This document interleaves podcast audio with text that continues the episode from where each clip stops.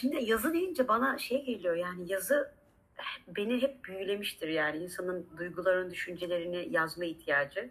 Ve bunun için hani çivi yazısından tut işte binlerce yöntem hani işte çakarak makarak yapıyor falan ama neticede bir kalıcılık duygusu var. Ama mürekkebin ilk icadı tam ne zaman bilmiyorum açıkçası ama e, galiba yazının e, kağıda icat yani kağıda geçirilmesiyle benzerdir. Ve yanlış bilmiyorsam şu an modern anlamda mürekkep nasıl yapılıyor e, bilmiyorum ama önceden e, özellikle Osmanlı'da falan şey olduğunu biliyorum. İsten yapıyorlar mesela işte yakmak. Yani ateş o kadar kutsal bir şey ki etinden sütünden faydalanıyorsun. Yani ateşten yağla karıştırıyorsun sabun oluyor. Şey, ateş ediyorum. E, o kalıntıları, külü yağla karıştırıyorsun sabun oluyor. Onu işte başka tür bir yağla karıştırıp birkaç tane içerisinde kimyasal hani ve tam böyle şey gibi altın bulma olayı vardı ya simyacılık gibi hmm. en ideal mürekkep e, akışkanlığını bulmak için çalışan ismini şu an bilemedim hani mürekkep zedeler, mürekkep sadeler falan var ve bunlar o şifreleri, o katılımları, o katılımları diyorum, o içerisindeki maddelerin oranlarını yazıyorlar, saklıyorlar. Özellikle bu kişilerden gidip alınıyor.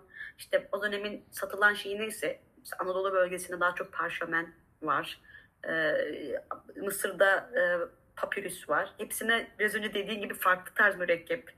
O dönemde kullanılan e, genelde muhtemelen kuş tüyleri değil mi? Onu yapıyor içerisinde bir çünkü bir tür şey mekanizması görüyor. Koalizyonlu mu diyeyim artık? Hı hı. Ee, bir tür emme mekanizması geliyor ve yavaş yavaş onu geri veriyor. O tüyün içeriğine göre bile, onun ucuna göre bile farklı mürekkep tasarlanmış ve müthiş bir aslında coğrafi zenginlik var mürekkeple. Ama böyle galiba yani benim en büyük sorun zaten mürekkepte en azından o kalemde. Sana da merak ediyorum şey soracağım mürekkeple ilgili bir şeyler soracağım. Mürekkebi özel yapan ne şu an? Hani e, markaları ne gibi?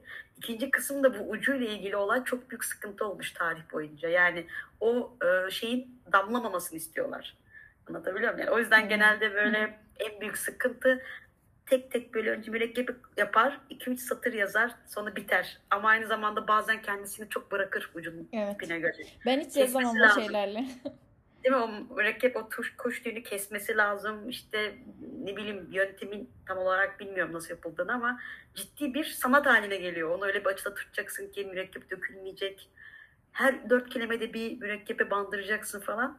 Yine yanlış bilmiyorsam galiba uzunca bir süre boyunca Orta Doğu'da, şey Orta Doğu diyorum, Orta Çağ'da Da Vinci dahil olmak üzere birçok teknisyenin hatta Arap dünyasında Mısır'da da o e, Alexander döneminde bu e, mürekkebi tutan mürekkebi kademeli veren teknolojilerin geliştirilmesiyle ilgili çabalar yapılıyor.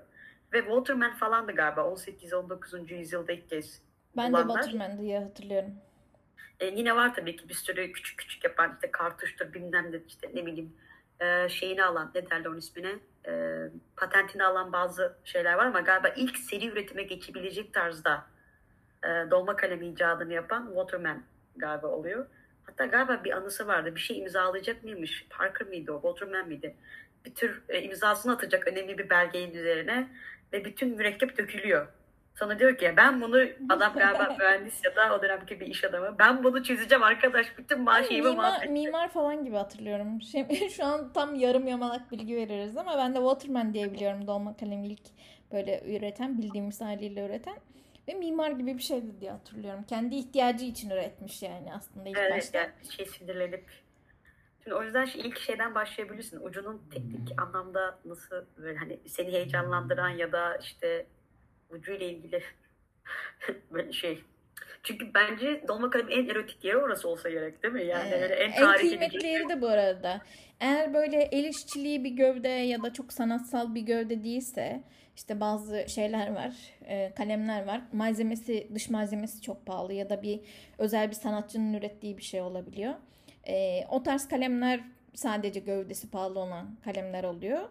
E, onun dışında kalemlerin %90 maliyetinin en büyük kaynağı uç kısmı. Hele altın... Yani ben onu çıkartıp başka bir şey takabiliyor muyum yoksa fix mi oraya? Uçlar yani çoğu kalemde, çoğu markada uçlar değiştirilebiliyor. Çıkarılıp takılabiliyor. Bazılarında öyle bir seçenek yok. Aldığınız yere e, göndermeniz lazım. Onların kendi mühendislerinin takıp çıkarması gerekir. E, ama çoğu kalemde değiştirilebilir bu uçlar. Hani Ee, mesela senin Kavako'da e, kendin ayrı uç alıp istediğin gibi bir kalın yazmak istiyorum, bir ince yazmak istiyorum diyebilirsin. Lemiler de öyle. Yeni jenerasyonu bunu beğendi. Yani onlar daha pratikler. İşte lemiler de öyle. Kendi ucunu alıp sonradan istediğin gibi değiştirebiliyorsun. Ee, bir o var. Ee, dediğim gibi ma- maliyetinin çok çok büyük bir kısmı aslında uç. Hatta şey olur. Ee, insanlar ilk kez tek başına yani sadece uç almak istediğinde şey olur. E, bu kalem fiyatına neredeyse alır. Çünkü zaten en büyük maliyet o. Hele bir de altın uçsa e, %80'i zaten maliyetinin o uçtan kaynaklanıyor. Geri kalan yere o kadar pahalı bir şey değil. İşte çoğu plastik ya da hani kıymetli olsun işte ebonit olur işte şey olur e, selülit, e, selüloz olur ama en pahalı yer ucu en meşakkatli yeri en e, kıymetli yeri. Çünkü oradaki şey bile e, üreticiye maliyet e, yapıyor. O uçlar üretiliyor ya. Üretildikten sonra e, iyi markalara genelde hani e, üretimden sonra bir ustanın elinden geçiyor o uç. Test ediyorlar. Düşün her üretilen ucun tek tek bir ustaya gidip orada yazıyor. İşte ona göre ayarlarını yapıyor vesaire. Kalite kontrolden geçiyor. Tekrar düzeltiliyor vesaire. Ki sana çok güzel yazan bir kalem gelsin eline garanti diye. E, o da ayrı bir maliyet. İnsan giriyor işin içine oraya. E, o yüzden en kıymetli yeri ucu zaten. Tabii de mesela e, katı olan şeylerle yazmak belki tarihte vardı işte ne bileyim bir boya, bir kiremit şeyi gibi hani böyle parçalar. O kolay çünkü zaten dokunduğun anda yazıyor. Kaldırınca bitiyor ama sıvıyla uğraşmak Evet sıvıyla uğraşmak çok- çok zor. Mesela asıl mürekkeplere gelelim. Hani ilk sorunun başı mürekkeplerdi. Ee, mesela şu anda da farklı farklı mürekkepler var. İnsana şey gibi geliyor. Mürekkep işte. İçin boya var, su var vesaire gibi düşünüyorsun. Mesela bir kaligrafi mürekkebini dolma kalemde kullanamazsın. Çünkü kaligrafi e, mürekkepleri o divit denen ya da işte cam kalemle olabilir, divitle olabilir şeylerle yazdığın o senin kuş tüyü olabilir. Onun daha az akışkan olması lazım ki e, o divite tutunsun ve yavaş yavaş aksın. Diye onlar daha yoğundur. Çok akışkan değildir. Sen onu dolma kaleme koyarsan dolma kalemi tıkar. Ondan akmaz. Bozar hatta dolma kalemini mahvedersin. Efendim? sulandırıp koysam O zaman da işte kimyasal yapısını bozuyorsun yani. Yani yine bir garantisi yok. Deneyebilirsin ama sonuçta parçacıklar büyük ya. ya Parçacıklar tane büyük kalemim var zaten onları şu an bozamam. bozma yani. Ee, şeyde dolma kalem mürekkebini de divite, divite bandırıp kullansan çok akışkandır. Kaleme tutunmayacağı için laps kendini bırakır yani. Direkt kağıda bırakır. O yüzden e, yoğunlukları çok önemli orada. Hani o mürekkep ıslak mı olsun, kuru mu olsun şeyi de öyle. Ee, mesela baktığında yani kaç yıl geçmiş yani doğru düzgün herkesin çok iyi mürekkep yapabiliyor olması lazım dersin. Ya da hepsinin aynı kalitede olması lazım dersin. Ama öyle olmuyor. Mesela dediğim gibi bazıları ıslak kuru diye ayrılıyor. Bazılarının boya boyası çok yoğun. Bazıları daha böyle sulu suludur. Ee, bazıları yazdın diyelim. Üzerinden birkaç yıl geçti. Rengi solmaya başlar. Rengini Hmm. kaybetmeye başlar. Pahalı olmasının sebebi e, renk garantisi mi? Aslında bir sürü şey var işte o kriterleri sayıyorum. İşte bir bu gerçekten canlı bir renk görüp görmemem. Bazısını yazarsın böyle soluk. Yani siyah bile soluk olabiliyor yani. Yani İşte- yoğunluk aslında bir tür e, yani yoğunluk ve o etkileyicilik ve onun kalıcı olması bir tür şey. E, fiyatla doğru orantılı olarak ortaya çıkan bir şey. Yani hem e, fiyatı genelde marka da etkiliyor da hani e, yoğunluğu olabilir. E, mesela çok yoğun olan mürekkepler çok yoğun olması da kötü. E, kuruma hızı çok yavaş kuruyorsa da istenmez. Sonuçta kağıdın üzerine koydun yarım saat bekliyorsun kurusun diye o da kötü. Ama çok çabuk kuruyorsa o da kötü. Çünkü o fazla su varsa hemen kuruyabiliyor. E, bu sefer de kalemin içindeyken bile kurumaya başlıyor kaleminin kapağını işte iki dakika açık bıraktığında bu sefer kalem yazmamaya başlıyor.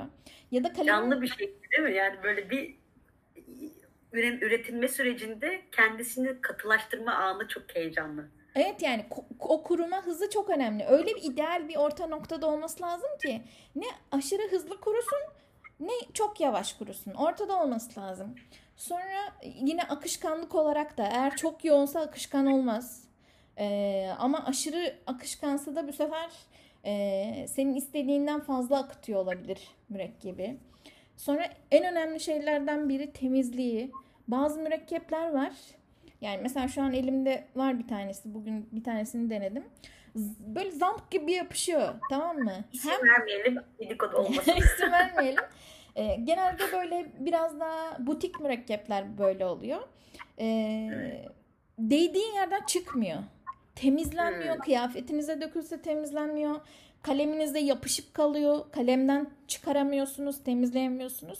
Temizlenmeyince bu sefer kalemi tıkamaya başlıyor. Hani temizlemesinin çok kolay olması lazım. Yani böyle musluğun altına tuttuğunuzda e, hemen temizleniyor olması lazım.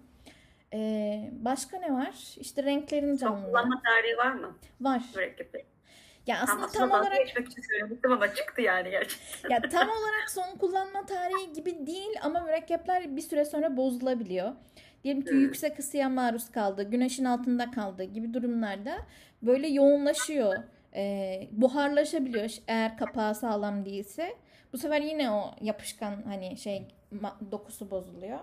Ee, garip bir koku alıyorsanız mürekkepten bozulmuş olabilir. Kaleme de zarar verir o.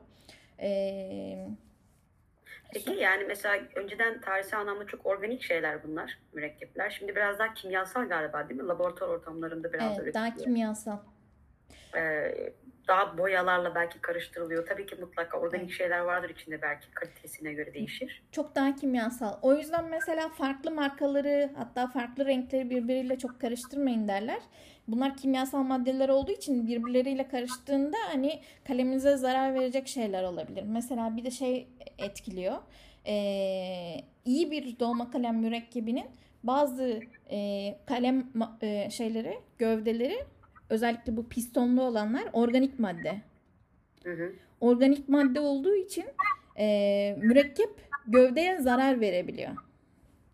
Eritiyor yani resmen Değil mi onu. Yani aslında mürekkebin aşağı indiği o kanala şeyde e, dolma kalemde damarlara benzetirsek hani kalitesiz bir şey yediğimiz zaman onların tıkanıp e, kalp krizi geçirmesi gibi Evet, dolma aynen de bayağı bir yere sokabiliyor. Temizleyemiyorsun. Kalp damar tıkanıklığı gibi bir şey oluyor. O damak dediğimiz yerden mürekkep akarken oraları tıkayabiliyor. Gövdenin içine zarar verebiliyor. O yüzden genelde şey denir. Pahalı ya da kıymetli yani illa pahalı olmasına gerek yok. Kıymetli kalemlerinize neydi belirsiz markaların mürekkeplerini koymayın. Daha çok hani kaliteli mürekkep dediğimizde aslında biraz daha şey mürekkepler. Ee, kalem markalarının ürettiği mürekkepler daha garanti oluyor. Ee, çünkü o, Ne o var? marka Mesela, mesela aklına gelen üç tane şey söylesene e, iyi mürekkep üreticisi. iyi, iyi demeyeyim de benim en sevdiklerim mesela Montblanc'ın mürekkeplerini seviyorum. Sailor'ı seviyorum. Pilot, e, Pelikan e, yani Geçen baktım mesela 809 TL'ye mürekkepler vardı değil mi? Ne evet var. Bin, lira- bin liraya yakın bin liranın üzerinde de vardır yani mürekkep. Peki mesela şöyle bir şey var mı? Mont Blanc e, e, mürekkep o kalemle daha maksimum performans veriyor diyebilir miyiz? Yoksa alakasız mıdır sence? Şöyle mürekkeplerin farklı yapıları var ya farklı kalemlerde de farklı performans gösteriyorlar o yüzden. Atıyorum bir kalem kuru yazan bir kalem olsun yani mürekkebi az akıtan bir kalem olsun. O kaleme siz bir de zaten kuru yazan bir mürekkep koyarsanız yazmamaya başlıyor. Mürekkep az Üzerinde var mı bunun başlıyor. açıklaması peki? İnsanlar sadece deneyimle mi biliyor bunu? Ya da dolma kalem kulüplerine gitmek zorunda mıyız bunları öğrenmek için? E, Ya deney, deneye yanala öğreneceksiniz ya da işte bloklar var. Bloklardan takip edeceksiniz ya da dolma kalem gruplarında insanlarla tanışıp onlardan sorup öğreneceksiniz.